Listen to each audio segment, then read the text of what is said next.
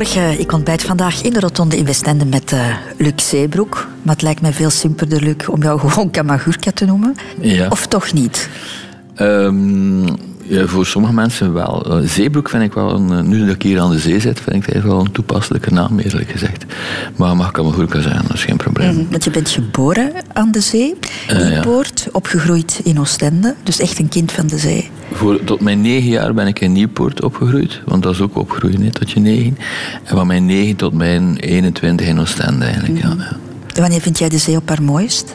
Mm, goh. Uh, eigenlijk als ik er naar kijk. Ik vind het eigenlijk altijd mooi. En het raar is, waar ik ook kom, dat je nu in, uh, aan de Middellandse Zee bent of uh, de, de Transatlantische Oceaan of wherever. Ik heb altijd al hele mooie zeeën gezien eigenlijk. Dus. Mm -hmm. Kan je ze ook schilderen? Uh, ja, dat kan. Ik heb dat ook al gedaan. Ik heb al een keer in... maar dan was ik tamelijk dronken eigenlijk. En, en tamelijk euforisch. Dat was om twee, drie uur s'nachts. En uh, ik zei van, uh, ja, ik wil nu toch een keer een zeezicht maken dat nog niet bestaat. En toen heb ik een, uh, een schets gemaakt van een verticaal zeezicht. En uh, ik heb het dan later uitgewerkt. Dat is fantastisch. prachtige beelden eigenlijk. Heel stom. Je moet gewoon uw handtekening aan de onderkant zetten in plaats van aan de ja. aan de maar die, die boten die zo de, de, de, de lucht ingaan en zo, het is, is fantastisch. Maar ik heb ook een keer een, een stormbeeld gemaakt. En dat heet 9 of 8 Beaufort of zoiets. Heet dat. dat is een schilderij met boten die in het rond vliegen en zo. Ja, de zee heeft altijd een, het is altijd een bron van inspiratie geweest voor mij. Het is ook zo makkelijk om te tekenen. Het is eigenlijk maar één lijn. Hè. Het is één horizon dat je moet schilderen. En dan nog een tweede lijntje, dat is dan waar dat de, het, het water het, de, het, dus het strand raakt eigenlijk. Dan heb je al een zeezicht eigenlijk. Maar bijna met één lijn heb je al een zeezicht. Maar het, het, het, het fijne is, hoe los je dat op? Want het is ook maar één lijn, dus je kunt, hem, je kunt er... Ja, kunt er massaal veel versies van maken. Hè. Er zijn er ook heel veel geweest. Hè. Een prachtige zeetafereel, wat ik absoluut niet kan aantippen eigenlijk. Maar zullen er vandaag vanochtend gewoon even naar kijken. Lijkt ja, mij al van, als ik zo kijk, het is ongelooflijk dat ik nu op de radio ben terwijl ik naar de zee aan het kijken ben. Dat is fantastisch. En je ziet dus de, de horizon die nu eigenlijk opgaat. Dus de, de, het water gaat op in de lucht en vice versa. Er is geen streep. Het is een, dus ja, je ziet echt de verdamping eigenlijk. Prachtig. Radio 2. De Rotonde met Christel van Dijk. Mijn gast aan de ontbijttafel vandaag is Kamagurka, schilder, cartoonist, onder meer voor het laatste nieuws, voor uh, NRC Handelsblad, voor Humo. Je bent theatermaker, je bent televisiepersoonlijkheid, muzikant, supporter van KVO Stende. Mm. Nog iets wat ik moet vermelden? Um, traag. ja, ik ben wel iemand die nogal traag is, inderdaad. Dat is raar. Hè? Dus ik, dat is waarschijnlijk omdat mijn uitleg dan al is altijd. Uh, ik kan bijvoorbeeld niet opschieten. Hè? Ik, kan iemand overslaan, maar ik, ik kan mij dan niet, niet opjagen. Ik vind dat vernederend zo. Mm Dat ik mij moet opjagen. Dan denk ik aan mijn uh, kindertijd. Dat ik mij moest elke ochtend opjagen om naar school te gaan.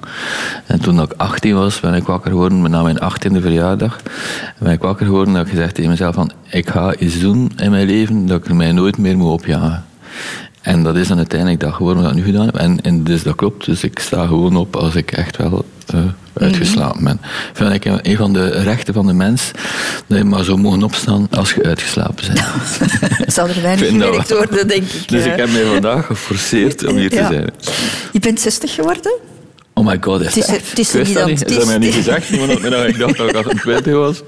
Maar op die leeftijd... Uh, Luc, kan nog komen, ja. Kan nog komen. zijn er al heel wat beslissingen genomen hè, in ja. het leven. Wat werk betreft, wat liefde betreft, wat, wat kinderen betreft.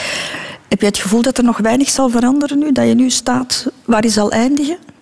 Um, nee, in tegendeel. Nee, ik, ik, heb het gevoel dat ik eigenlijk zo een beetje halverwege ben. Zo. Mm. En dat is misschien niet waar, maar want ik zou dan onder 20 moeten worden. Dat is wel uh, ferm. Goed gehokt, moet ik zeggen.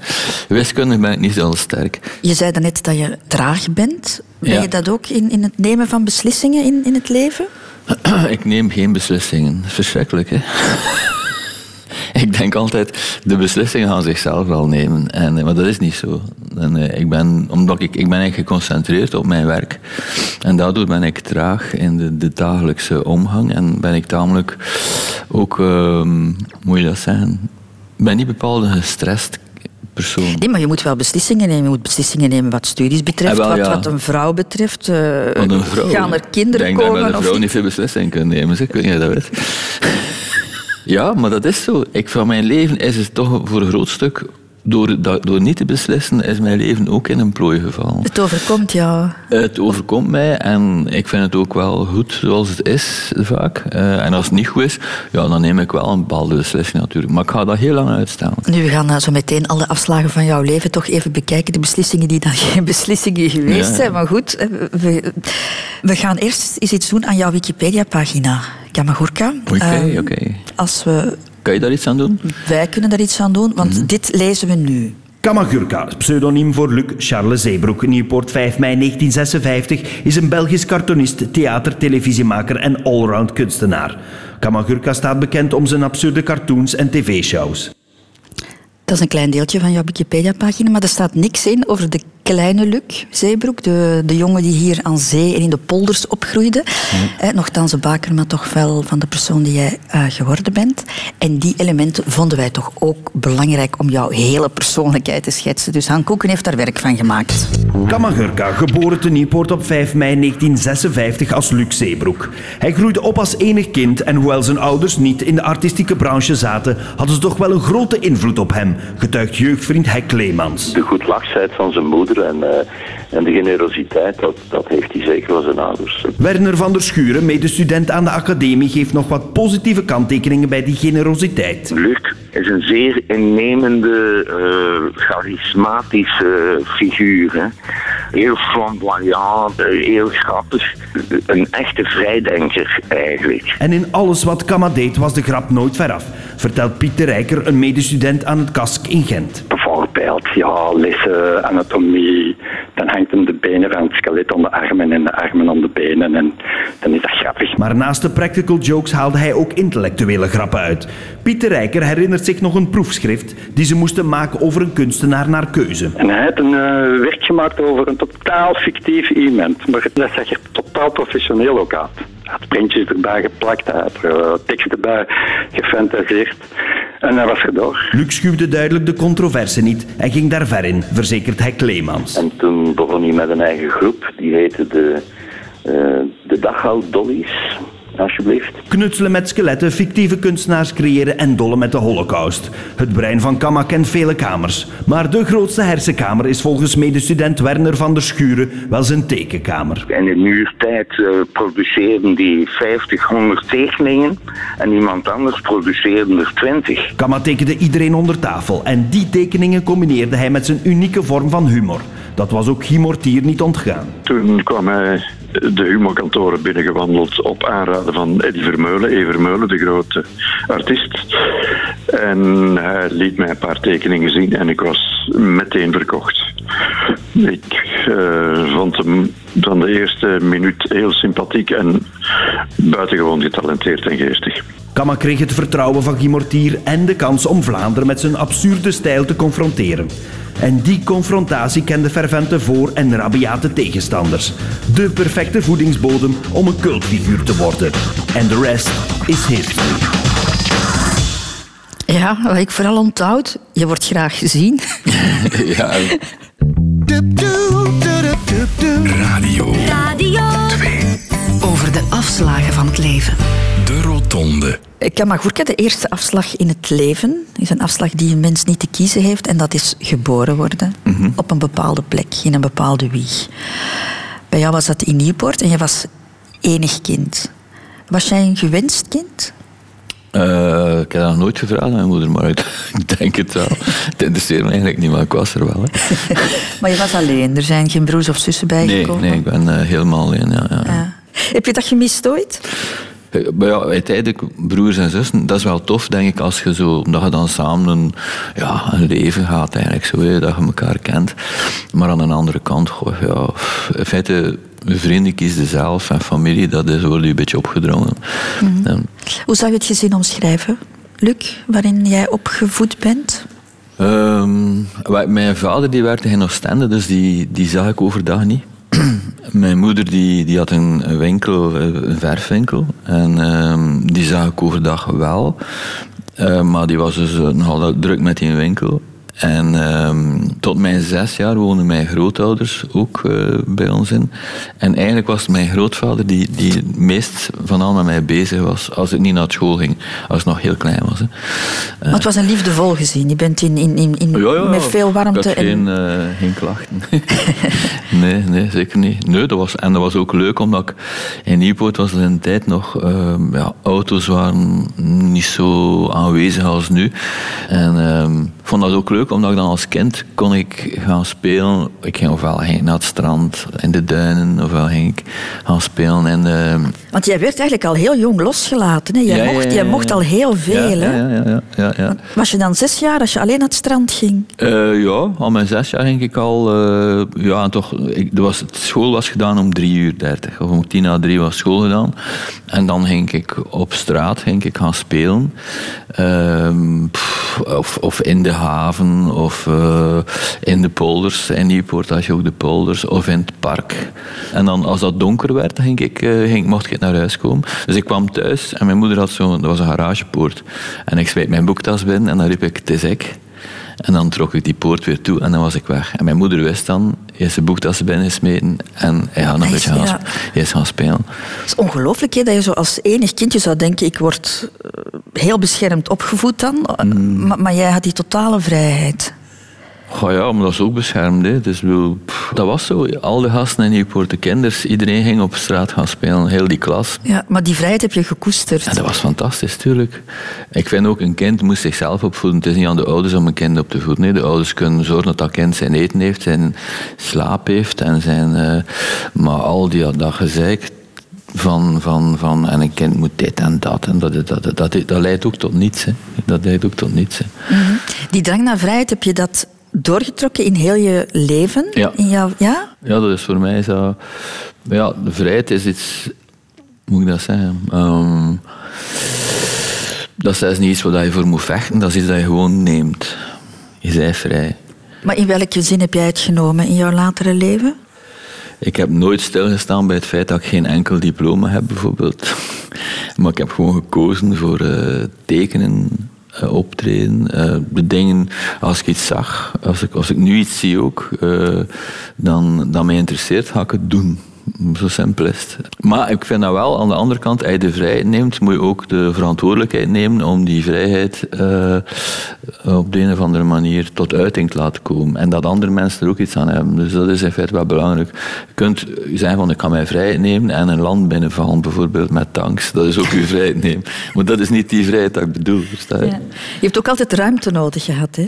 Eh, Ja, ja, ja. Daarom zit ik graag aan zee. Kijk, Ja. kijk, nu vind ik hier geweldig. Ik zit hier. Maar als kind had je ook al een hele grote ruimte. Ja, je had al je altijd. eigen atelier thuis. En... Dat was dan in Oostende. Dan inderdaad dat ik... eh, ehm, dus dan mijn ouders zijn dan naar Oostende gaan wonen, omdat, omdat mijn moeder dan bij mijn vader ging gaan werken. In die depot, dat was een depot van verfwaren. In de Dekenijstraat, aan de Sint-Peters en Pauluskerk. En eh, daar waren er, eh, had ik tot mijn beschikking een, eh, een drietal kamers eigenlijk. Geen zolder, maar wel boven op de derde verdieping had ik drie kamers. En dan nog mijn eigen slaapkamer vooraan in het huis. En op die drie kamers dat ik daar heb ik eigenlijk mijn, mijn eerste, hoe moet ik dat zeggen, tekensessies gehouden. Dat ik dus echt uren en uren en uren en uren en uren en uren zat te tekenen en te, te schrijven en, en dingen te verzinnen. Zonder dat eigenlijk iemand wist waar ik mee bezig was. En dat was fantastisch. Ja, dat, was, je eigen wereld al. dat was zo mijn laboratorium, ja. ja, ja. In interviews vertel je ook altijd eh, wat voor impact de oorlog nog op, op jouw leven heeft gehad. Terwijl je toch echt wel een naoorlogskind was. Ja, dat is raar. Hè? Ja, maar ik, ik heb dat pas eigenlijk beseft voor de allereerste keer hoe, hoe sterk dat die impact was geweest op mijn leven van oorlog. Maar je moet weten, ja, in Nieuwpoort, hè, mijn grootvader die had de Eerste Wereldoorlog gevochten. En, eh, en de Tweede Wereldoorlog meegemaakt. En mijn ouders de Tweede Wereldoorlog meegemaakt. En dus die mensen waren... En dat was nog maar tien jaar geleden als ik geboren was. Dus die mensen waren er nog altijd over bezig tegen elkaar. En dit en dit en zie en la. En, en vaak, ik sloeg dan fotoalbums open en dan zag je zo, ja... karren, karren die omgekanteld waren en koeien die met hun poten in de lucht lagen, die gebombardeerd waren. Dat, dat stond in de, in de foto familiealbums. Eh, maar wat dat ook is, dus, dus ik, ik had wel een, ehm, een soort van eh, een Duits trauma opgelopen als kind. Want ik, ik, weet nog dat ik 37 jaar oud was, toen ik voor het eerst in mijn leven naar Duitsland ging. Ik was dus nog nooit... Ik was al overal toe. Ik was al naar Amerika geweest, ik was al zelfs naar China geweest en Italië, enfin, in Europa, overal naartoe geweest. En nog nooit in Duitsland. En ik moest naar een, een blad waar ik voor werkte. Titanic heet dat. Dat bestaat nog altijd. Een satirisch blad eigenlijk. En eh, ik moest daar naartoe om die, om die een keer die gasten te zien. En ik stap over. in, ik moest over op mijn keul. En ik kreeg zo helemaal klamme handen. En ik zei, maar fuck, waarom, waarom heb ik nu stress eigenlijk? Wat is dat? En ik zag zo'n Duitser met zo'n zo'n jagersvoetje met zo'n pluimken op. En ik dacht, fuck, nu weet ik het. My god. Ik ben eigenlijk opgevoed met een soort Duitsersangst. Dus eh, de Duitsers, dat was de vijand. Dat was de... En nu zat ik voor het eerst, en dan realiseerde ik me, in Duitsland. My god. van- En dus ik, moest naar Frankfurt en ik kwam dan toe in Frankfurt en die gasten stonden mij op te wachten. En het eerste dat ik zei, ze van, ik kwam dus uit in, dat was zo'n metro dat ik uitkwam. En eh, tegen die gasten, ik had die nog nooit gezien, en ik zeg tegen hen van, "Ja, dat is toch wel raar hier. Zo, "Huh, wat is er raar? Ik zei, ja, ik zei dat dat hier nog allemaal recht staat. Hebben het toch allemaal gebombardeerd. Radio 2. De Rotonde. Over de afslagen van het leven. Kamagurka, het, ja, het, het klinkt misschien een beetje cru, maar kan ik zeggen dat jij met een, een handicap geboren bent? Of een Eh. zekere onvolkomenheid? Hoe, moet- hoe zou jij, hoe zou jij ik- het, hoe ik zou heb jij het eigenlijk nooit verwoorden? geen, geen premies voor getrokken. Dat? Ik heb nooit subsidies voor gekregen, inderdaad. Ik had het eigenlijk moeten vragen. En, eh, ja, Ja, probleem aan jouw voeten, hè? ja, ja, ik had ehm, te korte Achillespees en te korte voedselpees. Dus die twee waren eigenlijk te kort.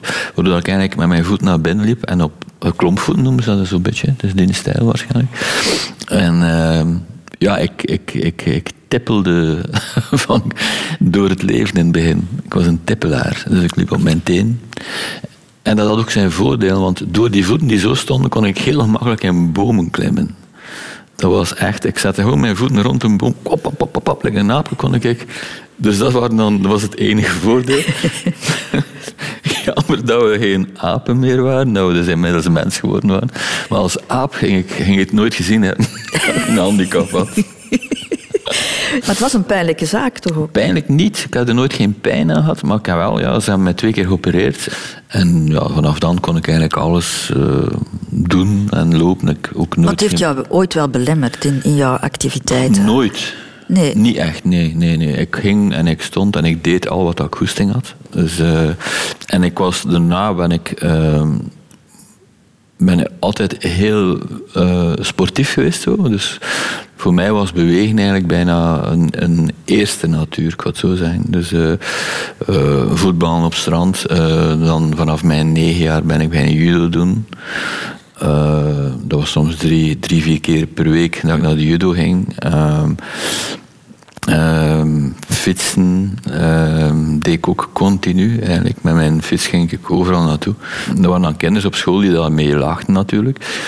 En eh, mijn vader zei van, kijk, ga je mijn vader had gebokst. En die, eh, die zei, ik ga je wat, eh, een beetje leren hoe je kunt. Als ze nog een keer het wat zeggen tegen dan moet je gewoon slaan. Maar je moet niet zomaar slaan, dat ze dat zien komen, die vuist. Je moet vanuit je schouder slaan en zorgen dat ze, dat ze die vuist niet zien komen. En dan moest ik zo op zijn hand en dan zo'n klomp, top, top, top, top, top, links, rechts, rechts, hop, onderaan knakken. En die, die leerden mij eigenlijk echt heel goed boksen eigenlijk. En ehm, het gevolg was dan natuurlijk dat de leraars eh, naar huis kwamen om te zeggen dat, dat Luc eh, verschillende leerlingen in elkaar had geklopt. Dan zei mijn vader van, kijk, we moeten daarmee stoppen met, die, met dat vechten, met dat boksen. Ehm, maar ik ken er een, ehm, een, een, een ding, zodat ze in pyjama's lopen. En eh, dat was dan judo, maar dat was eigenlijk wat dat nog niet bestond eigenlijk in, in België. En eh, omdat ik zou stoppen met slaan, heeft mijn vader me dan naar de judo gedaan. En, eh, Daar was je goed in. En daar was ik heel goed in, ja, ja, ja. En dat was geestig ook. En ik liep ook op mijn blote voeten. En doordat ik op die blote voeten liep, werden mijn voeten helemaal, zeggen, normaal. Dus Ah, ja. door, dat denk ik wel, dat dat heel veel gemaakt heeft. Ook op strand lopen, zo, altijd op je blote voeten. En dat, dat heeft heel veel deugd gedaan. Ja. Ja. Maar je hebt wel de keuze gemaakt als kind al van ik ga mij hier niet laten doen. Ah ja, tuurlijk. Dat is echt het eerste dat ik aan mezelf... Dat, dat was eigenlijk een van de eerste dingen. En misschien is het ook wel de oorlogverhaal dat je als kind krijgt. Van ja, we moeten vechten, we moeten dit. Ja, dat was altijd mogen vechten, maar dat ging. Dat ik wel dacht misschien, inderdaad, en dat dat mij geholpen heeft. Van, want pesten, dat heb ik nooit gekend. Allee, ja, dat heb ik nooit zo ervaren. Dat was gewoon... Ze, ze zeiden iets tegen mij en ik zette daar iets tegenover. Aha. Maar ik denk wel dat de wereld nu overgepsychologiseerd wordt. Ik wil je niet overkomen als een botte makreel of zo. Maar ik denk wel dat we veel te veel met psychologie bezig zijn. Veel te veel met... met eh, en dat je in feite veel beter de kinderen kunt leren van inderdaad... Staat, je kunt Weerbaar, iets- ja, weerbaar. weer- word werkbaar, word weerbaar. Ja, dat kinders de, de, de kracht in zichzelf ontdekken. Want iedereen heeft zijn eigen heeft zijn kracht. Hè. Dus eigenlijk is en heel ik die was ook periode- verbaal, was ik ook heel Ah, ja, dat, dat ook al. Ja. Wanneer heb je ontdekt dat, dat humor ook wel eh, kon redden? Ook tamelijk snel eigenlijk. Hè. Ehm, wat zijn in, in, in, dat neem. Zo het lager middelbaar begon dat toch al driftig eh, met mijn bek. En dan niet meer vechten of zo, maar dat was dan echt... Ik nam het over met mijn mond eigenlijk. Hè, omdat het ook niet meer kan. Dan kun je niet blijven dan... Ja. Ja, maar heel die periode heeft jou wel gemaakt tot, tot, wie dat, tot ja, wie dat je bent. Zoals bij iedereen is dat zo. Ja. Iedereen heeft zo zijn dingen. hè. Maar dat is natuurlijk ja, dat is vervelend. En dat is, eh, maar aan de andere kant is dat ook, ja, vormt dat u ook inderdaad. En, eh, en worden wel wie dat dan ja, wie dat is. Goed, ik kan me inderdaad allee, inbeelden dat had mijn vader mij toen gezegd van oh, kan ik meegaan naar school en ga een keer, eh, weet je wel. Had hij dat overgenomen, ging ik veel zwakker ontwikkeld geweest zijn misschien. De Rotonde.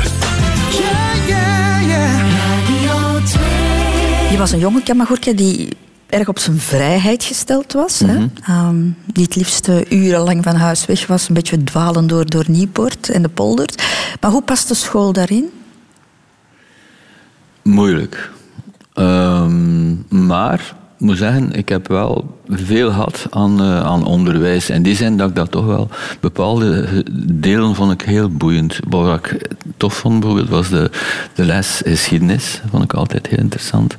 Eh, taal vond ik interessant, al wat dat taal was. Biologie was ik fantastisch, vond ik eigenlijk. Maar kon jij stilzitten? Ehm, als het mij interesseerde wel, ja, ja. Maar moest wel op tijd een keer dan kunnen zo... Like nu bijvoorbeeld zit je nu ook al lang stil. En dan begin ook al mijn zenuwen te werken, eerlijk gezegd. maar allee, ja, ik, ik ben wel een beetje een, inderdaad... Wat als ze dan nu zouden zeggen ADHD-kind, zo'n beetje, ja. Ehm, maar als het mij interesseerde, dan, dan kon mij dat niet schelen. En dan was ik heel... Maar als het mij niet interesseerde, had ik maar één uitweg en dat was tekenen. Of de tweede uitweg, en dat was onnozel doen. Hè. Toen al. Ja. Je tekende al graag, hè? al heel snel. En toch kies je dan in dat middelbaar onderwijs voor economie. Wiens idee was dat? Eh, niemands idee, denk ik. Dat was gewoon de gemakkelijkste tak van, de, van denk ik. En eh, ja, mijn ouders hadden een winkel en die hadden, die hadden zo gereageerd- geredeneerd waarschijnlijk van ja, later kan hij ook een winkel beginnen of zo. Dus moet je economie kennen. Maar doe je maar economie, je, je, je- je komt dat over wat tegen in het leven. Economie, hé, hey, economie, joh, joh. Maar hadden jouw ouders grote verwachtingen eh, op dat gebied? Nee, dat is dat niet. Nee, ik denk dat ze nooit verwacht hadden ook dat ik ging eh, worden wie, dat ik, wie dat ik geworden ben eigenlijk uiteindelijk. Dus, eh, ja. Want eigenlijk dan zat je in die kunstenmajor. Je zou denken van, oké, nu zit ik hier goed. Ik, zit- ik zit op mijn plaats, zoveel uren plastische opvoeding. Maar dan was je daar ook niet echt gelukkig. Ik was daar wel heel gelukkig. Om, eh, ik weet, ik spreek van de tijd in Brugge, dat was kunsthumaniora in Brugge. Dat was heel tof, want ik zat voor het eerst in mijn leven met meisjes in de klas. Ah, dat vond ik de max. en ehm, dat was geestig, dat was plezant, want die meisjes dat brachten zo heel andere energie. eh, dus alleen maar met jongens zit, is dat, eh, is dat eigenlijk een beetje beu zo. En dan ga je daarna naar de kunstacademie in, in, in Gent. Ja, de kunstacademie. Maar toen, wat er toen gebeurde was, was eigenlijk dat de, de, realiteit mij ingehaald had in feite. Omdat ik toen al, wat dat Mortier zei, Guy heeft mij een kans gegeven. En ik was eigenlijk nog een snotaap. Ik was... 19 jaar of zoiets. In het jaar 1975 zijn de eerste tekeningen in Humo verschenen. Ja, ik was 19. Dus eh, ik zat nog steeds in Brugge, denk ik. Ik weet het niet meer. En eh, ja, dan kregen die studies, die kunststudies, iets heel onwerkelijks voor mij. Omdat ik al... Ik ging dan ook naar Parijs. Ik werkte dan voor Narakiri. Eh, ik werkte dan voor de Haagse Post in, in Amsterdam. Dus ik ging dan met een trein, ging ik soms, was ik soms twee dagen weg, drie dagen weg. En dan kwam ik terug. En dan moest ik in één keer eh, examen esthetica doen of zo. En dan zat ik daar eh, en ik was, dan, ik was over de grens geweest en ik had dan zo eh, allemaal Frans, Frans geld gekregen van Charon. Dat was al pakken Franse francs, dat zat in mijn, zak, ik weet dat. En ik kreeg zo de vraag zo van, er waren zo drie leraars die daar zaten. Ja, Zeebroek... en eh, dat was de eerste vraag, was, eh, zeg een keer, eh, wie heeft ooit gezegd dat schoonheid de norm voor kunst is? En ik zo, ja, ik weet niet wie dat ooit gezegd heeft, maar het zou wel een onnozelaar geweest zijn. en die werden allemaal drie heel kwaad. En dat ging nog eind van kwaad naar ergens. wel. En op een bepaald moment heb ik dan ook dat geld uit mijn zakken gehaald. En ik zei, kijk gasten, zei, als je helder denkt, dan kijk hier op jullie onnozele vraag. Ik zal een antwoord geven. En kijk je juist van Parijs komt met zo'n pak geld in mijn zak. Vergeet het, ik ben weg. En dan ben ik weggegaan. Dus je hebt die opleiding niet afgemaakt. Nee, na één, anderhalf jaar of zoiets was ik weg. Omdat ik, ik verdiende mijn boterham. En de humo was daar. eh, ik kwam heel goed overeen met, eh met Guy. Dus dat was ook fantastisch. Ehm, ik kwam heel goed overeen met die gasten van Narakiri. Ja. Dat was ook fantastisch. Maar dan En- zeg je dat je nooit beslissingen neemt. Maar dat is een heel duidelijke ja, beslissing. wel, maar hè? dat heb ik wel gezegd in het begin, want dat ik altijd direct heel snel wist wat ik wilde doen. Dus ik, nooit, ik, heb, ik, ik vind dat heel moeilijk als ik aan mijn eigen kinderen vraag van wat wil je later worden en die kunnen daar geen antwoord op geven. Bij mij was dat zoiets van ik wil, bam. Dat, was, dat stond vast gewoon. En was dat een opluchting, zo die deur achter jou te kunnen dichtslaan? Ja, wel, ja, maar dat was de, ik zat op de animatieafdeling en dat waren zo van die ge- eh, geïsoleerde, dikke, eh, gewatteerde deuren eigenlijk. En als je dat toesloeg, deed dat... Dat was niet bam. Dat was, Jammer. ja, dat was heel spijtig. maar ik was ook niet kwaad op die mensen. Hè. In zekere zin, die konden er ook niet aan doen dat ik ja, snel evolueerde. En ik zag kunst, zij zaten nog bezig met oude kunst. En de oude kunst, dat is een schilder in zijn atelier of op zijn zolderkamer, die jarenlang bezig is. En dan in ene keer komt Jan Hoed langs of zo en die zegt, ah, fantastisch. En dan eh, verkopen ze 30 werken en dan krijgt hij TBC of misschien dan een SOA, waardoor dat hij heel ziek wordt en dan gaat zijn werk nog naar omhoog en dan sterft hij. En achteraf zeggen ze, dan zie je wel dat een grote kunstenaar was. En dan dacht ik van, man, man, man, waar zijn we mee bezig? Ik wil nu een groot kunstenaar zijn. Ik wil nu dat mijn werk gezien wordt. En waar wordt uw werk gezien? In kranten en tijdschriften. Hm, je had een visie eigenlijk al. Ik had mijn Ja. eigen visie en ik vond ook dat cartoons, dat kon net zo goed kunst zijn als schilderkunst. Het is niet het, het, eh, het medium dat bepaalt wat dat kunst is. Dat is een grote, grote fout die, die nog altijd gemaakt wordt trouwens. Het is niet het medium dat bepaalt wat kunst is. Het is gewoon wat dat er gemaakt wordt, dat bepaalt wat dat kunst is. En degene die het maakt, die bepaalt wat dat kunst is. En om dan nog met Duchamp te, te eindigen, Duchamp gezegd van wat is kunst? Al wat er in een museum staat, heeft in een museum pispot in een museum gezet en het was kunst. En je zou dat opnieuw doen, die deur achter jou dichttrekken? Of zou je toch misschien iets meer geduld opbrengen? Nee, zeker niet. Je zou er zelfs misschien niet meer aan begonnen zijn. Nee, voilà, dat is waar. Ik zou misschien van mijn 14, 15 jaar gestopt zijn met naar school te gaan. Maar je moest dat thuis ook nog wel verkocht Ja, krijgen. wel, ja, en mijn ouders, die mensen hadden de oorlog meegemaakt, dat was al genoeg geweest, zeker.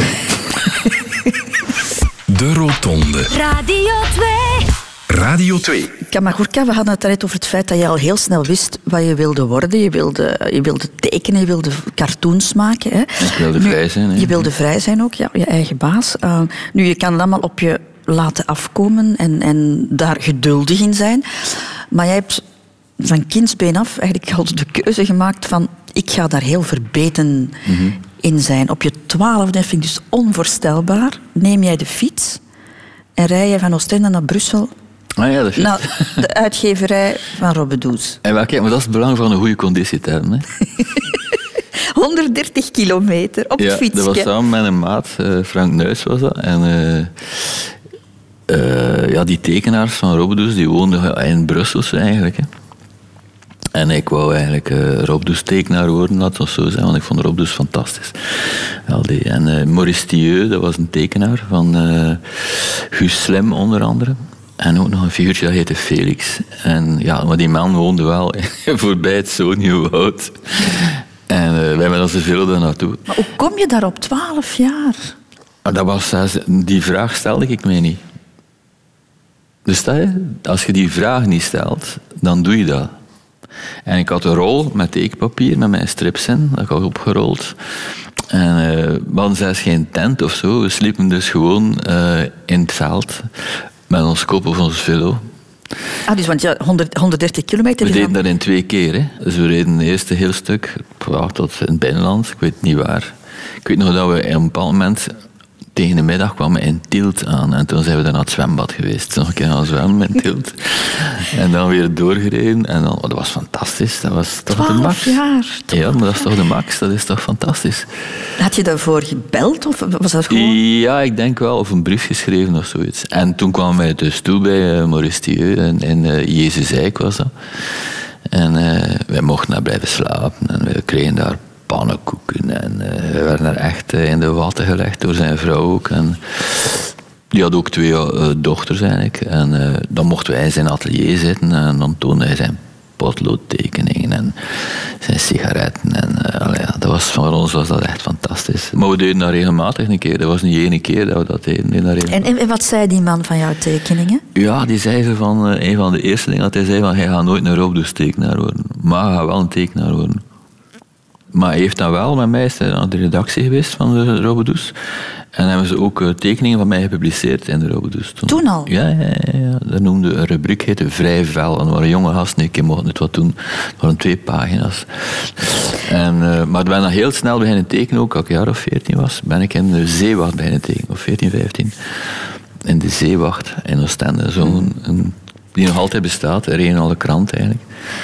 En om, om nog een voorbeeld aan te halen van jouw verbetenheid, want je doet eigenlijk hetzelfde. eh, in Parijs, je gaat naar de redactie van Harakiri, Mhm. een, een gerenommeerd eh, tijdschrift toch? Hè? Eh, Toen was dat het, het enige En jij gaat daar zomaar naartoe, op tijdens een schoolreis in de middelbare school. Mhm. Ja, dat was fantastisch. Dat was niet normaal. Want ik was met, met de klas op, op stap in, de, in Parijs. En eh, ja, wij gingen overal naar die bekende dingen gaan kijken. Nee, naar de Eiffeltoren en naar de, het Louvre en weet je wat. En we waren onderweg naar het Louvre en ik zag overal in kiosken zo affiches hangen van Harakiri. En eh, ik was heel aan het kijken op straat of dat ik niet iemand zag van Harakiri. Maar het was niet, was een onbegonnen zaak.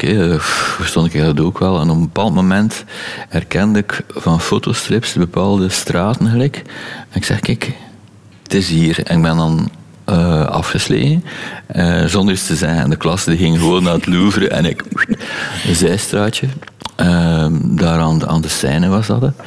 En ehm, ik, ik denk, ik was nog geen vijf minuten weg van die klas. En in één keer zie ik dan een man die uit een witte, die een, nee, een witte GS die aan het parkeren is. Ik kijk naar die witte GS. Er stapt iemand uit. Ik zeg, dat is hem. Dat is een hoofdredacteur van Harakiri. En ik loop er naartoe en begon te spreken, maar ik kon niet veel zeggen. Ik was zo je, je, je, je, je, je. En die mens zei van, allee, ik maar zeggen. En, en dat was GB inderdaad, de hoofdredacteur van Harakiri. En toen ging de deur open van de Rue Rapport. Was zo'n klein deurtje zo. En ik kom mee naar binnen. En ik, wauw, ik zat hier daar tussen. Al mijn helden waren daar. hè. Al die tekenaars, die Al die mensen, ja. Wolinski, Capu, allemaal neergeschoten inmiddels. Eh Cavana, GB. ehm, Maar hoe, hoe zou je dat dan zelf omschrijven? Is dat dan jeugdige overmoed? Of is dat toch al een zeer zekere ja, zelfzekerheid? Ja, en ook een on, eh, ja, het, het, het, het- de intuïtie volgend. Eh, niet, eh, geen, ehm, geen dingen aannemen van wat er gezegd wordt, van dat kan niet. Ga geen paar, ga jij die haast niet tegenkomen. Allee, ik zei gewoon, ik ga hem tegenkomen, ik ga hem zoeken. ga hem- Dat was er zo, ja.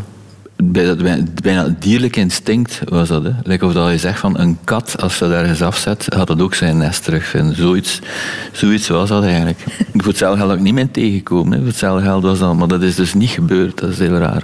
En dan ben ik dus naar school teruggegaan, want dat verhaal is nog niet gedaan. Dus dan ben ik naar, de, naar het Louvre gegaan. Want ze zaten in het Louvre. En, denk, en dan heb ik dat uitgelegd aan die leraars. En ik zat in de kunst humaniora. En die leraars, dat waren zo'n beetje, ja, dat waren zo'n beetje hippies en zo. En die zeiden, nou, dat is tof dat je dat gedaan hebt. eh. Maar ik zei, ja, ik moet wel een tekening maken. Morgen moet ik met mijn tekening, want ik had er niks van tekeningen bij. Ik had er wel gezeten en ik had er wel een whisky gedronken, maar ik had ik niet voor de rest had ik niet veel. Mijn Frans was ook niet geweldig op dat vlak. Dus die leraar is dan op mijn kamer gaan slapen. En ik had dan een, een nieuwe kamer gekregen van de leraar, zodat ik kon s'nachts doortekenen. Ik heb dan een pagina gemaakt, in potlood was dat. En dan zondags mocht ik dan terug.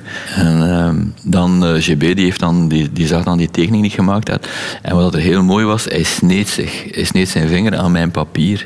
En zijn bloed liep over mijn tekening. En dat vond ik zo fantastisch. Dan kijkt en zei hij, ah, het is nog niet zot genoeg. Het moet nog een beetje zotter zijn. Oké, en dan ben ik eh, terug afgedropen. En dan ik zei van, oké, ik ga zotter worden. Radio Radio 2. Over de afslagen van het leven. De Rotonde. Kamagurka, in alles wat jij doet, hè, in jouw tekeningen, in jouw cartoons, eh, Cowboy Henk bijvoorbeeld, het televisieprogramma Lava met, met onder meer Eddie Wally, eh Camille Kafka, jij creëert altijd een, een heel eigen wereld, een beetje een, een absurd universum met, met heel vreemde wezens daarin. Ja, niet altijd. Hè. Ik bedoel, ik, ik vind, ja, Kobe Henk is natuurlijk wel een soort van, van figuur, is een, inderdaad een universum, maar dat is ook de, mede door Herzelen, die dan eh, zijn tekeningen eraan toevoegt. Ehm, en op tv-vlak, eh, inderdaad, heb je dan Eddie Wally gehad met Winnie van Wan en, en ook met Herzelen en andere mensen. Maar dat is natuurlijk, dat universum wordt gecreëerd door andere mensen ook. Dus ik schrijf iets, ik bedenk iets, maar het feit dat je er andere mensen bij haalt, krijg je automatisch een ander universum. Ja, maar je had het toch als kind ook al, hè? Dat jij een soort van andere wereld creëert. Ja, ja, maar ik heb dat nooit ervaren als een soort van andere wereld creëren. Ik heb dat altijd ervaren als de dingen doen zoals ik ze zie. Zelfs niet als de dokter jouw pilletjes voorschreef toen hij jouw tekeningen zag. Eh, je bent heel goed geïnformeerd, eh, Christel, dat klopt. Ja, dus, Is toch zo, hè? Ja, de, de dokter zag mijn tekeningen toevallig. Ik had veel van de griep en ik kwam langs en die zag die tekeningen.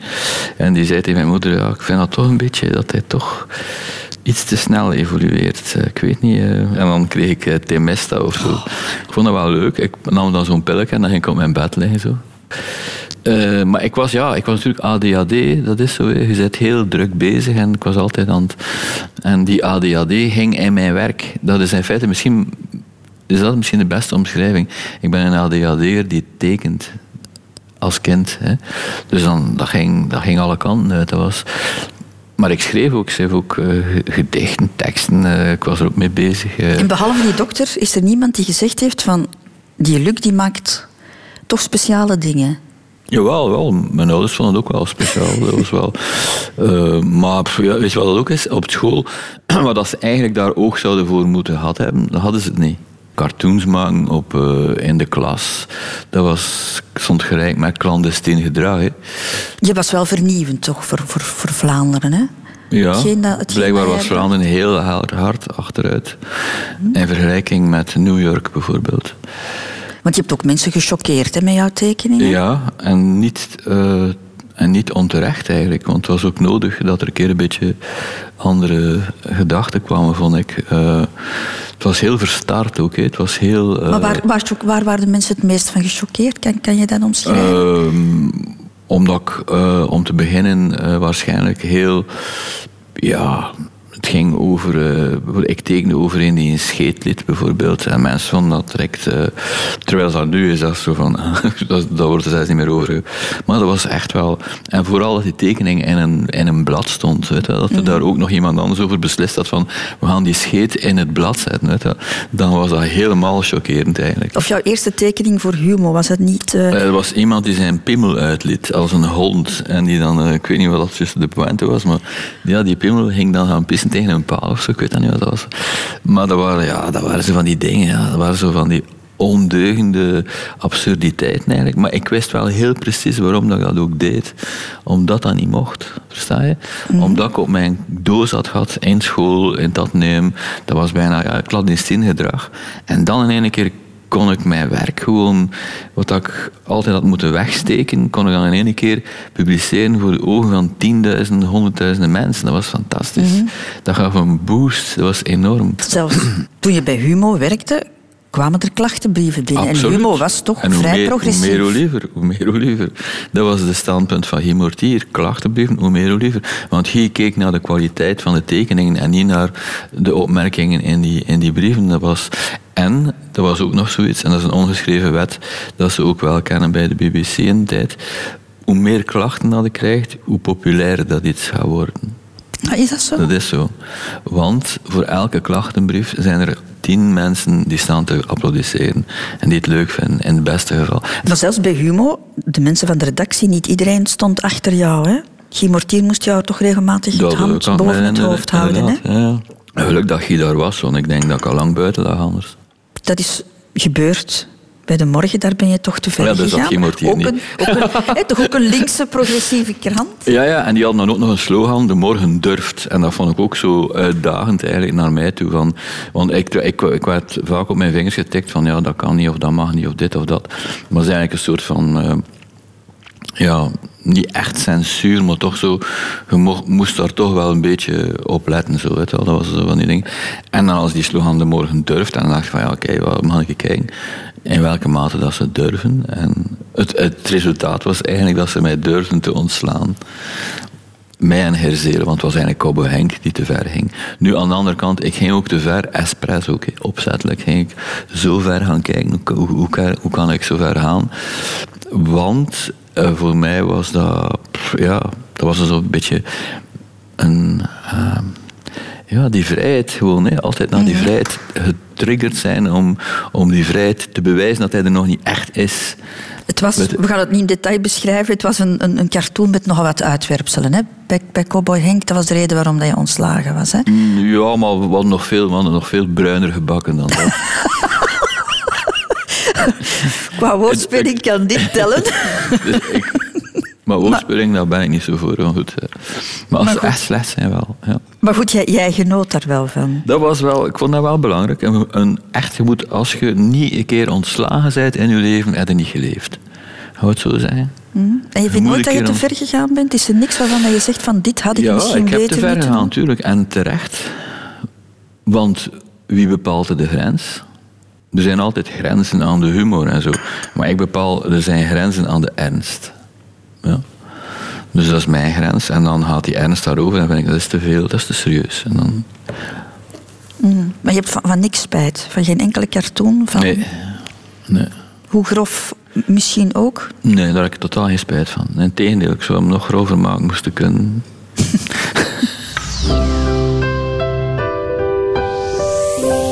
Goerka, we hadden het daarnet over het ja, toch wel anarchistische karakter van jouw werk. Je, je vindt het heel fijn om, om te schofferen, te Maar nee, maar chockeren misschien mijn ook. eh, visie is, creativiteit schoffeert.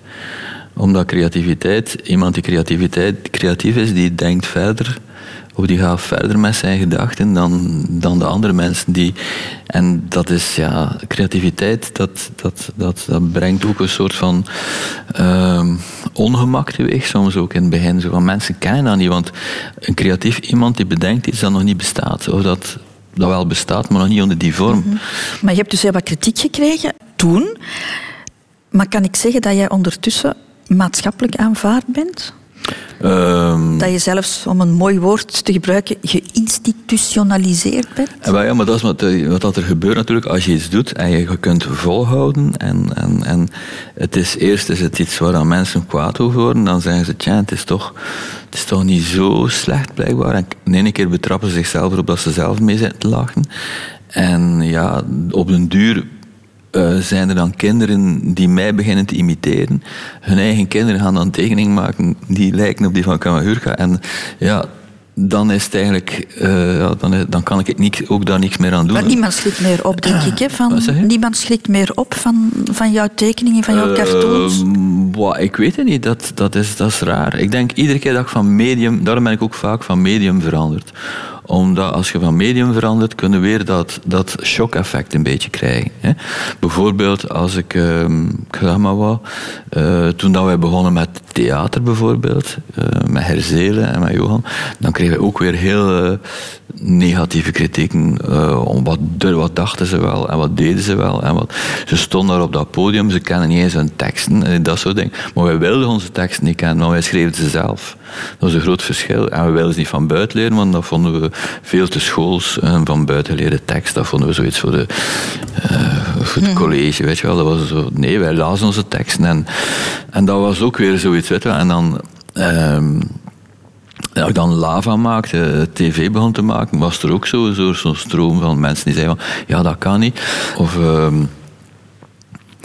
eh, schilderkunst, als je dan met schilderkunst begint, krijg je ook eerst een hele pak ge- gezaag over Ja, je maar- heen. Ja, wat denkt je wel eens uit? Ga nu schilderkunst beginnen doen, ga nu... Hè? Terwijl, ja, Maar ben je nu niet een respectabel man geworden? Ik bedoel, jouw, jouw schilderijen die hangen in musea, die, die, die, die worden verkocht. Je Ja, maar ja, dat is, dat is een andere zaak. Dat is wel zo. Maar het begin niet, hè. In het begin was dat niet zo. Ah, jij bent eigenlijk toch, mag ik het zo zeggen, een, een, een zakenman. Hè? Je hebt bijvoorbeeld met Mark Koeken, heb jij een... eh, Ik ben geen zakenman. Ik ben een hele slechte zakenman. Is het waar? Ja, maar ik moet dat zijn. je moet zakenman zijn, want anders kun je niet overleven als artiest in België. Was een van de eerste dingen die mijn boekhouder mij zei. Luxke, zei hij van, wat ga je nu doen eigenlijk? Je uw blauw betalen aan belasting of ga je een BVBA'tje oprichten? En ik zei, zijn niet een boekhouder, ach, ga een BVBA'tje oprichten, zou zijn. En het was vertrokken, het spel zat op de wagen. En sinds dat ik dat BVBA'tje begonnen ben, ja, je kunt niet meer terug. Dat is het probleem. Maar je hebt, je met- wordt- je, je hebt toch ook een, een zaak met, met, met Mark Koeken, hè? Eh, ja, ja, we hebben een BVBA. of- of ja, heet Ja. dat, fantastisch. Ja, Ja, ja. ja. Ja, dus maar ik, ik vraag me nu af, is dat eigenlijk... Heb je daar naartoe gewerkt als kunstenaar? Om, Daar naartoe gewerkt. of is dat ook zo gelopen, geëvolueerd? Ik ben geen idioot. Hè. Ik, bedoel, ik wil kunnen eh, werken op een comfortabele manier in die zin. Dat ik niet meer moet zitten afvragen van ga ik morgen wel eten hebben? Ga ik morgen nog een nafte betalen voor met mijn auto naar mijn atelier te rijden? Dus dat soort dingen dat ik wel heel snel door. Nog lang voordat ik maar Koeken leerde kennen, dus nachts, was ik wel iemand die... Daarvoor al, Ja, ja. ja ben ik ehm, heel simpel. Bijvoorbeeld, ik heb altijd huizen gekocht. Vanaf, vanaf dat kon, kocht ik een huis. Eh, omdat ik wist, ik kan niet sporen, ben, ben heel slecht met geld. Maar als ik een huis koop, moet ik dat bedrag wel daar leggen. En, allee, zo, en dan nog een keer een huis en dan dit en dan enfin, ja, om duur creëer je wel een patrimonium of zoiets en dan heb je dat en dan kun je keer kiezen van ja, ga ik nu dit jaar eh, vooral mij focussen op, op theater of op tv of ga ik mm, vooral tekenen of zo een keer iets nieuws doen dat ik nog niet gedaan heb, dan kun je dat doen. Dan kun je zo een keer zeggen van ik ga een keer het wat nieuws be- beginnen. Als je die buffer niet hebt, vergeet het. Dan moet je altijd maar voortploeteren in het vijverke dat je bent en content zijn wat dat ze geven. Terwijl als je eruit stapt, ja, dan, dan... En inderdaad, ik begon mij ook te interesseren in, in de economie. En hoe dat economie in elkaar zit. Maar dan meer vanuit filosofisch standpunt. Omdat ik dus... Ja, het, het economische is mega belangrijk in de wereld. Hè. Dat is een, en als artiest eh, word je er ook wel mee geconfronteerd. eh, op elk vlak. Als je een radioprogramma wil maken, gaan ze ook eerst kijken van... eh, ja, maar kunnen we, is dat budget wel haalbaar? En, het is altijd goed als artiest van, van te weten hoe dat de andere kant denkt. Hoe dat degene denken die u die job geven. Ben jij goed zo in het onderhandelen? Ehm, Ja, want bijvoorbeeld voor jouw televisieprogramma's moet je toch aan tafel zitten met producers en, en moet er over geld gesproken worden. Ja, ja. Wel, ik niet zoveel gedaan heb hoor, eh, eerlijk gezegd. Eh, pff, pff, ik ben daar eigenlijk niet zo goed in, denk ik. Nee, nee, nee.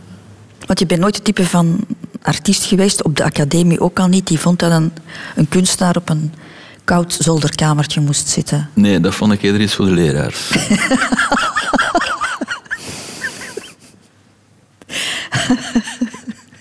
Maar kan je zeggen dat het Kamagurka-verhaal financieel geslaagd is? Absoluut. Voor, voor het moment ben ik, ben ik heel blij met wat ik. Allee, ja, ik bedoel, ik moet mij geen zorgen maken en mijn kinderen hebben het goed. Uh, maar ik ben ook nog bezig, ik moet nog werken. Ik ben niet, dan, het interesseert mij ook niet van het stoppen van werken. Je kunt zeggen, ja, is 60, stopt ermee, maar dat, dat zou dus verschrikkelijk zijn. Dat kan ik dan niet gewoon. Net zo min of dat ik dat kon als ik zes jaar oud was. omdat je er geen zin in hebt of omdat je het financieel nog niet kan? Vooral omdat ik er geen zin in heb. En misschien financieel ook niet. Ik weet wel, maar ik denk dat dat wel zou lukken, eerlijk gezegd. Maar goed, maar dat interesseert mij eigenlijk niet. Ik wil daar niet zitten vegeteren of zitten. Wat moet ik doen? Platen opleggen of zo, heel dagen. DJ worden. nee, nee, ik wil zo. Wat moet ik doen? Wat zouden mij aanraden, zeg een keer? Wat zou ik doen? Garnalen gaan vissen? Hier, eh, zo'n zo net achter mijn gat lopen. Ik wil dat wel een keer doen voor de lol, maar niet toch voor. goh. Nee, dat, dat ligt mij gewoon niet. Kan het niet. Dat is, ja, dat ga ik ook nooit kunnen. Ik zolang dat, ik vind het ook geweldig. Als ik naar het laatste werk kijk dat bijvoorbeeld Picasso gemaakt heeft, dat is een zelfportret van zichzelf, waarin dat hij de, echt de dood in de ogen kijkt. Hè. En hij kijkt met ogen waar er zoveel leven uit voortkomt. En dan weet je dus, hij is, de dag erop is hij gestorven, of twee dagen later is hij gestorven. Maar dat ene werk, dat kijkt nog altijd naar u. En dat, dat werk, dat leeft. Dat is fantastisch. Radio 2. Over de afslagen van het leven. De Rotonde. Zullen we het dan nu eens over de liefde hebben? Kamagurka, is dat een, eh, een fijn pad geweest bij jou? Ehm, een fijn pad. Ja, ja, ik heb het altijd wel heel belangrijk gevonden in het leven. Dan natuurlijk een, eh, een relatie hebben. En ik heb er eh, verschillende gehad, dat is waar. Ehm, maar er is er eigenlijk geen één bij waarvan ik zeg van ja, pff, ik had dat beter niet gedaan. Ik vind dat allemaal wel zijn, zijn positieve kanten. Het was allemaal wel op de een of andere manier interessant op dat moment. Goed, ja. Je bent heel jong, enfin heel jong, je bent vrij jong getrouwd, hè? 24? Eh, ik denk 25, 25, ik weet het niet meer. Zou je geloven dat ik het niet meer weet? Volgens mij 24. Oké. Neem het maar van mij aan. Oké, oké. 24. Dank u, dank u. Dat was niet met u, hè? Eh, niet dat ik weet, nee. Oké. nee, dan... eh, ja, dat is 24, heel tamelijk jong get- getrouwd, inderdaad. En echt getrouwd. Ja, ja. Een echt trouwfeest. Ja, ja, mijn trouwfeest. Eh, Maar niet voor de mijn, vrouw was, eh, ze is, is jammer genoeg overleden inmiddels, maar goed. eh, ze was van Chinese origine. Ze, Wayon. En eh, ik had haar leren kennen in een, een winkeltje. Zo'n macrobiotisch Japans winkeltje in Gent. De Kusa noemde dat, hè. zij werkte daar. En toen, ja, toen zijn we uiteindelijk getrouwd, want ze was dan in verwachting. En ja, voor de Chinese ouders en grootouders was dat niet, eh, was dat, kon dat niet dat een vrouw eh, een kind ging hebben die niet getrouwd was. Ah. Dus dat was eigenlijk inderdaad zo'n beetje, ja, het moest wel gebeuren. Ah, ik dacht dat jouw dochter twee jaar daarna geboren Nee, nee, was. nee, nee. nee. Eh, Sarah is eigenlijk, ja, toen, toen al mama zwanger was, zijn wij getrouwd. En dat kind was... Dat was Sarah, dat was. Dat heel was- gezond. was dat Het was niet gepland, maar het was gezond. Bomenplantje. gewenst. Bomenplantje, hè. nee, nee, maar ik versta wat hij bedoelt. Nee, het was niet, het was, het was, zat geen enkele planning in, zoals veel dingen in mijn leven. Maar ja, hoe kun je weten dat je vruchtbaar bent als je nog nooit een kind gemaakt hebt? Er komen twee kinderen trouwens. Hè, want daarna Maar Boris eh, was wel gepland. Boris was wel... eh, dus die hebben dan meteen daarna gemikt en dat was perfect in de roos. Dus Boris scheelt anderhalf jaar met Sarah ongeveer. Mhm. Oh ja, of twee, bijna twee jaar, ja, twee jaar, ja. Maar jullie blijven niet samen. Hè? Eh, nee, nee, nee, dan zijn we met elkaar eh, gegaan. Ik denk in het jaar 97 of zoiets, denk ik. Oh ja, het is allemaal moeilijk voor mij om dat allemaal nog te, goed, goed te herinneren. Maar eh, ik denk dat ja, in de, ja, de jaren 90, hè, 97 of Maar jullie blijven vrienden. Moeten Eh, even vrienden, nee, nee wat vrienden is ook zo, zo'n klote woord. Hè. Als je uit elkaar zit, zit uit elkaar. En, maar je zit er wel voor de kinderen. En je hebt wel respect voor elkaar, omdat je daar, ja, ik heb heel veel respect voor haar. Eh, altijd gehad. En eh, dat heb ik nog altijd. Ehm, ja, het is een hele goede moeder bijvoorbeeld, eh, die haar kinderen ongelooflijk ehm, ja, goed heeft opgevangen. Ook, ook in die periode dat we uit elkaar gaan zijn. Ehm, ja, en, en op dat vlak, maar vrienden, dat vind ik ook zoiets raars. Ik weet dat niet. Jullie gingen op een normale manier. ja, dus dat is anders. Hè. mhm. En hoe was jouw rol als vader in die periode? Eh, mijn rol als vader. Toen jullie uit elkaar gingen? Ehm, wat ik wou eigenlijk mijn kinders duidelijk maken dat, dat je, ehm, ja, dat ze het zelf eh, voor een groot stuk moeten doen. Hè. Dat ze moeten zelf het initiatief nemen. Dat ze zelf moeten. Dat ze niet moeten alleen naar die leraar op school luisteren. Dat ze niet moeten alleen naar die vader thuis of naar die moeder thuis. Maar dat ze gewoon moeten eh, zelf dat creatieve Maar ik bedoel, heb, jij hen mee, mee opgevoed voor een groot Ja, ja, deel? ja, of- ze kwamen bij mij. Ze zaten, ik had een, eh, een, ruim, eh, een ruim optrekje in Gent, eh, boven een café.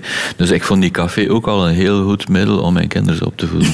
dat was al zo, hey, ze komen in een café, eh, hey, voor die gasten was dat, hey, dat, er leeft iets, er is hier iets. Mijn vader zit hier boven, wat is het nou wel? Ben ik, ben ik er of ben ik er niet? Is er eten, is er geen eten? Dat was, zo, dat was veel, ja, ik wou dat, dat spannende aspect van, van de dingen een beetje. Want jij was heel hard aan het werken in die periode ook. Hè? Ja, maar ik deed ook heel Was- veel sport dezelfde tijd. En heel veel, ja, ja. ik heb heel veel dingen tegelijkertijd altijd gedaan, maar blijkbaar. ook onregelmatige. Heel onregelmatig. onregelmatig. En hoe, dat pasten die kinderen moeilijk in daarin? stand hield. Eh, Dat was wel een feit, denk ik. Omdat ik zoveel dingen deed. Ik was gewoon eh, overal naartoe altijd weg. Eh, ja. Mm. Maar jij zei, je vroeg iets. Ah, maar ja, hoe, hoe, pasten die kinderen daarin, in, die, in dat onregelmatige leven? Wel, je zou kunnen zeggen niet en ook helemaal. Want die kinderen, zij kregen wel aandacht en zij werden wel, zowel door de mama als door ik, gewoon gestimuleerd in de dingen die ze deden. En de mama keek meer of dat ze, ja, of ze goed eten hadden en of dat er een boektas, zo, weet je, de, de moederlijke taken en zo, dat werd heel goed gedaan. En ik kon dan meer dat, dat losse erin steken, dat zotte, dat, dat ja, ja, Gisteravond aan tafel hier had je er nog een heel, mooi, een heel mooie beschrijving voor. De, de- hoe jij een mama ziet Mhm. en, en, en, en hoe jij de papa ziet. Ah, ja, ja, oké, oké. ja. ja, de vader zie ik inderdaad, dus, dus het huis, als het, wat de kinderen zijn. En de, de mama is daar in dat huis. Dat is heel belangrijk, met de kinderen. En de vader heeft meer de rol van de voordeur. De deur openzetten en ze, dat ze naar de wereld toe gaan. En, en dat ze daar eigenlijk eh, onder mannetje staan. Dat is het eigenlijk. Hè. Zoiets. Zo zag ik dat wel een beetje. Maar pff, voor hetzelfde geld kan dat eh, andersom zijn hoor. En dan heb je op latere leeftijd, want je was 46 zeker, hè? Komt, Mhm. er, komt er nog een dochter? Ja, dan heb ik nog een kindje gekregen, Aurélie. Die is nu 14. Mhm. Is dat anders? Eh, ja, heel de situatie is ook anders. Eh, Ik ben ook al heel wat ouder natuurlijk. Ehm, maar aan de andere kant heeft dat ook weer, is het ook weer het, dezelfde pff, ja, moet ik dat zeggen, taak dat ik heb eigenlijk. zij woont bij haar mama voor het grootste deel, maar ze is wel twee dagen in de week bij mij. Dus vanmiddag is ze bij mij bijvoorbeeld. En eh, dan doen we leuke dingen, of dan gaan we, allee, ja.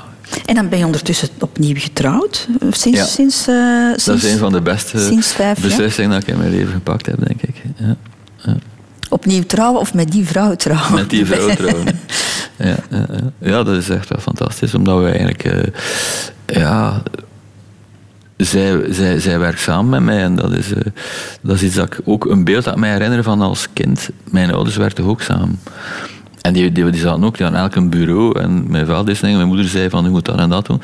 En mijn vrouw, die doet dat ook met mij. Dus ik, ik sta op 's morgens en ik vraag haar, wat moet ik doen vandaag? En dan zegt ze van, ja, je moet een tekening maken voor dit, moet eh, daar, dan moet je daar naartoe. En dan moet je optreden en dit en dat. Dus die zegt dat dan, waardoor dat je dat allemaal kan vergeten. Waardoor dat ik eigenlijk een tamelijk relaxed leven heb, ondanks het feit dat het heel druk is. Het is een heel zorgende figuur. Heel zorgend. Ze is verpleegster van, eh, van, van, van beroep geweest. Ze heeft eh 19 jaar eh, gewerkt in de spoed van de psychiatrie in eh, Brugge. Totdat ze mij leren kennen, is ze daarmee gestopt. Omdat ze dacht van ja, nu heb ik ook een eh, voltijdse dagtaak thuis. Ik ben getrouwd met een eh, ernstige patiënt.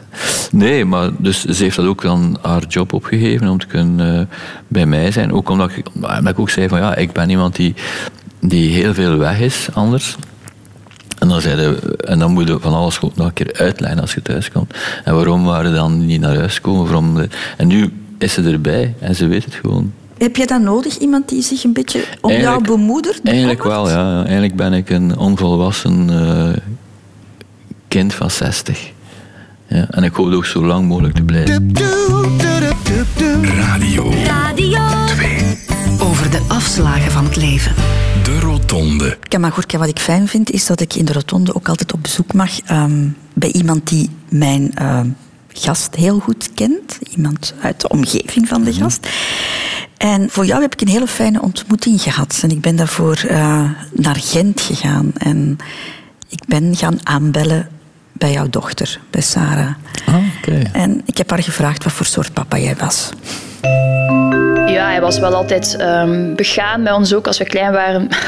Als we dan zo van school kwamen, hadden we liedjes geleerd, dan, uh, dan was hij altijd heel blij ook om die liedjes te horen. En dan begon hij die om duur ook samen met ons mee te zingen. En had hij ook zijn favoriet liedje en dat was dan iets van... Um, wacht hoor, uh, nee, dat was zijn verhaaltje, maar ik weet niet of het echt zo was. Hij hoorde graag het liedje van um, Kom mee naar buiten allemaal, dan zoeken wij de wielen wel.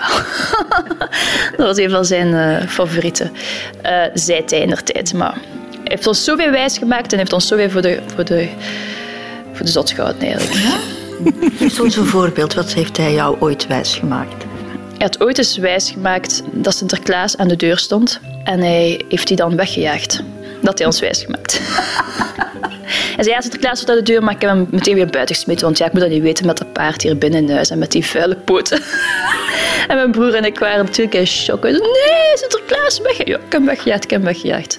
Dat soort dingen, dat was gewoon constant. Hij vond dat gewoon leuk om met ons voeten te spelen. Ja. Je bent zelf ook heel creatief. Hè? Je tekent, je zingt ook, of je zit in een, in een, in een groep. Heeft hij dat gestimuleerd? Ja, zeker. Maar hij heeft, heeft, ons nooit gepusht in een bepaalde richting of zo. Dat was echt... Nee, hij heeft gewoon altijd gezegd van... Doe gewoon waar dat je hart ligt. En waar, ja, laat je buik spreken en, en, en volg dat gevoel. En... Wat als je had gezegd van... Ik ga boekhouding studeren? Dan was hij waarschijnlijk nog veel gelukkiger geweest, want dan had ik nu zijn boekhouding kunnen doen. Is dat een ramp? Nee, nee, dat bedoel ik helemaal niet. Maar dan, uh, dan wordt het een echte uh, family business. Nee, tuurlijk niet. Ik bedoel, denk ik, mocht ik uh, gelijk wou worden van hem. Zelfs als ik maffiabaas had willen worden, dan was dat nog goed geweest. Je woont al van je achttiende alleen. Wanneer bel jij met hem? Um, wanneer mijn wc verstopt is. Uh, waar? Ja, en dan, en dan vraagt hij altijd meteen van, ja, nu komt dat de wc verstopt is. En dan moet ik een hele omschrijving geven van mijn stoelgang. En dan zegt hij, Sarah, je moet wat meer miso-soep drinken of zo. nee, maar wel effectief. Dus als ik fysiek iets mankeer, dan ga ik hem misschien wel bellen. En dan zeg ik altijd doktertje Luc. Of, uh... Ja, mijn vader was zeker, denk ik, dokter geweest. Moest hij geen... Uh... Is het waar? Ik, ik, weet niet, maar hij wel interesse heeft in, uh, in het menselijk lichaam en in gezondheid. En in uh, wat de invloed van medicatie is op de mens, denk ik ook. En kruiden. En hij is daar wel mee bezig, altijd ook. Maar het toilet komen ontstoppen, dat doet hij niet. Moest ik hem vragen, denk het wel hoor. Dat is toch mijn vader? Hij doet toch alles zo mee? Is het waar? Met de blote hand erin, jong. Ze heeft wel jouw humor. ja, het is, het is geen van de facteur. Uh, ja. Ik heb inderdaad heel veel plezier gehad met mijn kinderen. Dus zij noemde dat ik hem dan beet nam en zo. Maar ja, ik vond ook belangrijk dat, dat er veel gelachen werd en dat er veel. Uh, dat die, um, ik vind dat nog altijd trouwens. Ik vind dat een van de belangrijkste dingen, dat er gewoon zoveel mogelijk ja, gelachen wordt in het leven. Het belang van eten stipte zij ook aan? Absoluut, ja, ja. Dat, vind ik, wel, dat is wel tof dat ze dat zegt ook, Sarah. Want dat is inderdaad waar. Ik, dus, ik, ben heel, ik vind dat heel belangrijk, je voeding, hoe, dat je, um, allee, hoe je ermee omgaat. Respect ook voor uh, het feit dat je eten hebt, dat is al één ding. Um, en ook het, uh, het effect van voeding op, op, op, een, op, op, uh, op, op hoe dat je bent en hoe dat je evolueert en hoe dat je, ja, ook op de dingen die je doet en zo. Um, als, als, je, als je de verkeerde dingen eet, ja, dan, dan op duur worden loom en lui en moe en, en, en uh, je kunt ook niet meer goed werken bijvoorbeeld. Dat is één ding. Mm het effect van dingen op het lichaam is ook, en op de geest ook. Hè. Ik bedoel, uh, toen dat ik dus niet naar het leger wou, ik mezelf gedurende maandenlang uh, ja, bijna uitgehongerd. Uh, was een soort macrobiotisch dieet nummer 7, noemen ze dat. Dat is enkel maar twee bolletjes rijst per dag en een tasje thee. En als je dat gedurende uh, maanden doet, uh, ja, dan, dan, dan, dan weet je wat dat honger is. Dan weet je wat dat, wat dat mager zijn is. Want ik, woogde nog 44 kilo en moest dan eerst, als ik in bad ging, dan moest ik eerst water laten lopen, want anders ging ik, deed dat bijna als ik met mijn beenderen op bad zat. Dus ik, en dan ben ik naar de af, ben, hij is mij van de keer afgekeurd, mocht direct naar huis gaan. Maar over drie maanden moest nog een keer terugkomen voor nog een keer de herkeuring. Ik zei, shit man, nog drie maanden fuck. Dus dat was echt wel heel erg moeilijk. Maar goed, ik heb dat volhouden. En uh, die periode was zeker geen gemakkelijke periode. Uh, maar uh, achteraf ik dan, ben ik dan opnieuw beginnen normale dingen eten. En toen merkte ik dat bijvoorbeeld prijssoep, als, dat, als je dat dus lang niet gegeten hebt, u volledig ontspant bijvoorbeeld. Het effect van een appel, was dat ik daar bijna dronken van werd, of euforisch van werd. Omdat er in een appel zit er suiker en die suiker bevat ook wat alcohol. En is dus heel lang zo heel... Zo, ik was eigenlijk een soort ja, skelet bijna. Ik had nog wel wat spieren en zo, maar voor de rest was dat eigenlijk bijna... En, uh, en ook hoe, dat u, hoe gretig dat uw lichaam die dingen opneemt en zo. Dat dat, dus na x, na twee, drie weken was ik al terug in mijn plooi en na een maand zag dat niet meer.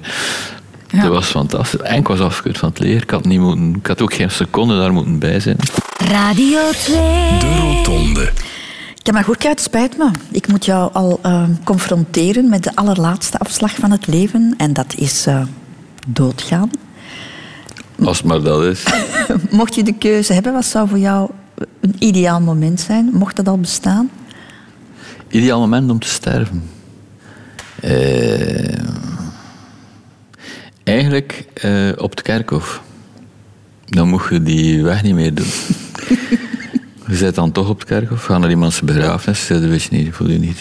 Je lacht er nu mee, ook met jouw grafschrift. Je hebt ooit, ooit eens gezegd, op mijn graf moet staan, tot zo. ik ben zo terug, als ja, dat... ja. Ja, ja. Maar ik denk als je het werkelijk meemaakt, uh, oh ja, lukt dat, dat toch wel, wel iets helemaal anders. Er zijn ook van die hele bizarre vragen. Hè. Dat is, je kunt er even mijn op een antwoord geven. Hoe zou je willen doodgaan als dat de vraag van hoe, hoe zou je willen geboren worden? Dat is hetzelfde. Ja, je kunt daarop antwoorden, maar ik denk uh, uh, liefst op een moment dat je er eigenlijk niet mee bezig bent of zoiets. Ik weet het niet, dat je er niet, dat niet bij stilstaat. Ik vind dat ook zo... Ofwel, je kunt zeggen, ik ga er naartoe leven. Ik ga naar mijn dood toeleven. Nou, dat zijn mensen die, die inderdaad van die hele... Uh, moet je zeggen, uh, slepende ziektes hebben. Die mm. kunnen dan natuurlijk met alle ongemak en pijn dat erbij maar die hebben dan het voordeel als ze kunnen afscheid nemen van... Maar ja, wat is afscheid nemen? Dat heb je met je vader meegemaakt, hè? Ja, ja mijn vader ik wel kunnen. Aftakelingsproces. Ja, ja, mijn vader had een, eh, een, een, een reumaziekte die dan uiteindelijk van alle soorten dingen uh, in zijn uh, hersenen en zijn, uh, well, ja, op zijn zintuigen en allemaal. En dat is echt, dat is eigenlijk heel triest, hè, omdat je dus, uh, dat is geen normaal verouderingsproces. Hè. Dat is iets zo dat je dan in één keer, ja, hij was 83 als hij stierf, of 84, ik weet niet meer, 3, 84. Um, en die laatste twee jaar was er in feite al toch al te veel aan, vond ik. ik bedoel, um, hij was altijd een mens die gigantisch veel gesport had ook. En, wandelen, voetbal op strang, uh, actief geweest. En, en dan zie je dat zo al die, die mogelijkheden zo afbrokkelen. En op duur stond hij soms te, te denken, welke voet moet ik nu eerst verzetten om te kunnen het woordje stappen uitvoeren, weet je. Dat is dan, dan denk je van, nou ja... Was dat iets waar je mee, mee overweg kon? Of was dat iets waar je eerder ontvluchtte? Uh, nee ik kon daar wel mee overweg, omdat ik ook weet dat ja, het, is, het is niet het enigste nee, dat tegenkomt. Er zijn veel mensen, dus uh, je kunt er ook niet, je kunt ervan proberen te vluchten, maar dat haalt je toch in. Hè. Dat, is, uh, dat vind ik ook zoiets. Uh, die momenten zijn er ook in het leven. Hè. Ja, kijk, nog mensen zien sterven. En, Sommige brusk, de, de, de, mama van, jou, van jouw ja, twee oudste kinderen, die is gestorven die, is gewoon, gewoon, die was gewoon kerngezond. Die, die had die had bijna bij wijze van spreken 110 moeten worden. Ja. Mm. En die, die valt op haar, met haar fiets op haar hoofd en het is gedaan. Het was uh, over en oud. En daarom zei dan die neurochirurg tegen mij van ja, zet alstublieft een helm op je hoofd. Als ze een helm had, had ze nog geleefd. En dan doe je dat toch niet. Dan denk je van oké, okay, stom eigenlijk maar. Mm. Maar je hebt het ook niet zo in de hand. Een dom, een, een, een dom ongeluk, maar wel met heel wat ja. Eh, gevolgen. Want plotseling ben jij dan ook de enige ouder. Ik bedoel, jouw kinderen waren al volwassen. Gelukkig waren ze al wat ouder. Maar uh, dat is ook de enige, het enige geluk. Hè. Dat, is, uh, ja. ja, dat is raar. Hè. Dat, is, dat zijn van die dingen die... Uh, je kunt dat niet oplossen. Hè. Je, kunt dat niet, je kunt alleen maar hopen dat dat ja, dat dat uitslijt, dat dat... Um, en dat uw kennis daar goed mee omgaan. En ik vind dat ze daar wel heel goed mee omgegaan zijn. Maar dat, is het, uh, dat zijn dingen die, die, die mensen eigenlijk niet kunnen... Ja, je kunt dat niet bevatten, hè, zoiets. Uh. Nu, jij was niet meer samen toen met de mama van, van jouw kinderen, maar je wordt dan wel plotseling geconfronteerd met verschrikkelijk verdriet van uh, jouw kinderen. Oh ja, wat jij moet opvangen je kunt dan. Dat ook niet, je kunt dat ook niet oplossen. En ook jezelf, want ik, was ik ook... Ja, het is niet omdat je gescheiden bent van iemand dat je daarom... Ja, dat is... Uh, dus ja, in ene keer voelde dat dat is. Je zou die persoon nooit meer zien, nooit meer horen, nooit meer kunnen samen een keer met haar naar een optreden gaan van de kinders bijvoorbeeld. Want dat deden we vaak. We gingen nog een keer gaan kijken naar de optredens van de gasten als ze dan mond spelen. Of, of een keer als dan het einde van het jaar op school. Of, en dan zien we elkaar. Dat was allemaal gedaan. Dat is, in één keer wordt het allemaal gewoon dus stop eruit getrokken. En, ja. Heeft dat voor jou, jouw vaderrol veranderd? Uh, absoluut wel, ja. Maar ja, in die zin dat, dat je dan merkt hoe beperkt dat, dat is. ja. Hoe bedoel je? En wel, dat je ook alleen maar vader kunt zijn. Je kunt niet... Allee, iemand die dus alleen komt staan met zijn kinderen, die kan niet de andere rol gaan spelen. Dat gaat gewoon niet. Allee, bij mij ging dat zo niet. Je kunt dat ook niet vervangen. Dat, is, dat gat is veel te groot. Dat is, uh, je moet dat ook niet proberen. Je kunt alleen maar ja, er zijn op, op, in die beperkte mate dan. De Rotonde. Yeah, yeah, yeah. Kamagurka, um, toch nog even vooruitblikken ook, de toekomst. Wat moet er nog gebeuren? KV Oostende kampioen, bijvoorbeeld? Uh, ja, ik zie dat wel zitten. Dat zou fantastisch zijn natuurlijk. Ik had altijd in, in, in uh, mijn minder uh, lucide momenten uh, luid opgeroepen dat we geen kampioen van België worden. Maar ik voel dat het eraan zit te komen. Uh, iedereen is er mee bezig. we zitten in de goede flow.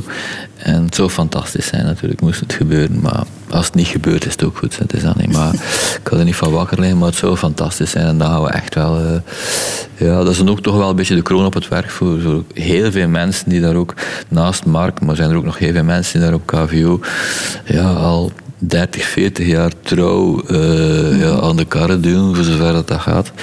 En die nu in die flow zitten en die meegepakt worden in die flow, dat is fantastisch. Luc Zeebroek, ik vond het heel fijn om jou aan mijn tafel te hebben. Een trage man, zeg je, maar ik wil toch de grapjes niet tellen die, die er gepasseerd zijn, want dat waren er toch heel veel. Ja, uh, het was mij waar genoeg, ik vond het heel leuk. Vond je het leuk? Ja, ik, ja, ik vond het fantastisch ook om op die manier ook... Uh, ja, het gesprek, maar je niet het gevoel dat je in een studio zit of niks. Mm -hmm. dat, is, dat is fantastisch, met een prachtig zicht. En ik denk dat dat wel het uh, goede formule is, allee, wat dat jullie doen. Heel goed. Mag ik ben blij nog, dat je geweest bent. Mag ik dan nog één ding van jou vragen? Nee, ik ga naar huis. Ja. ik wil op mijn knieën zitten als het moet. Het gastenboek okay, even invullen. Uh, met veel plezier. Mag ik ook eens tekenen? Absoluut. Ik ga er nog iets bij schrijven ook, zelfs. Maar ik zal vooral tekenen. het is wel een mooie plek hier. En als tekenaar vind ik dat dan direct... Ja, heb je zodanig veel dingen dat je kunt tekenen. Oké. Bijvoorbeeld dat kunstwerk daar. De megafoon of zoiets. En dan heb ik een echte Kamagurka in mijn bezit. Voilà, dat is nog veel Heel origineler. labaar. Dat is, nog veel, dat is veel meer waard dan een tekstje.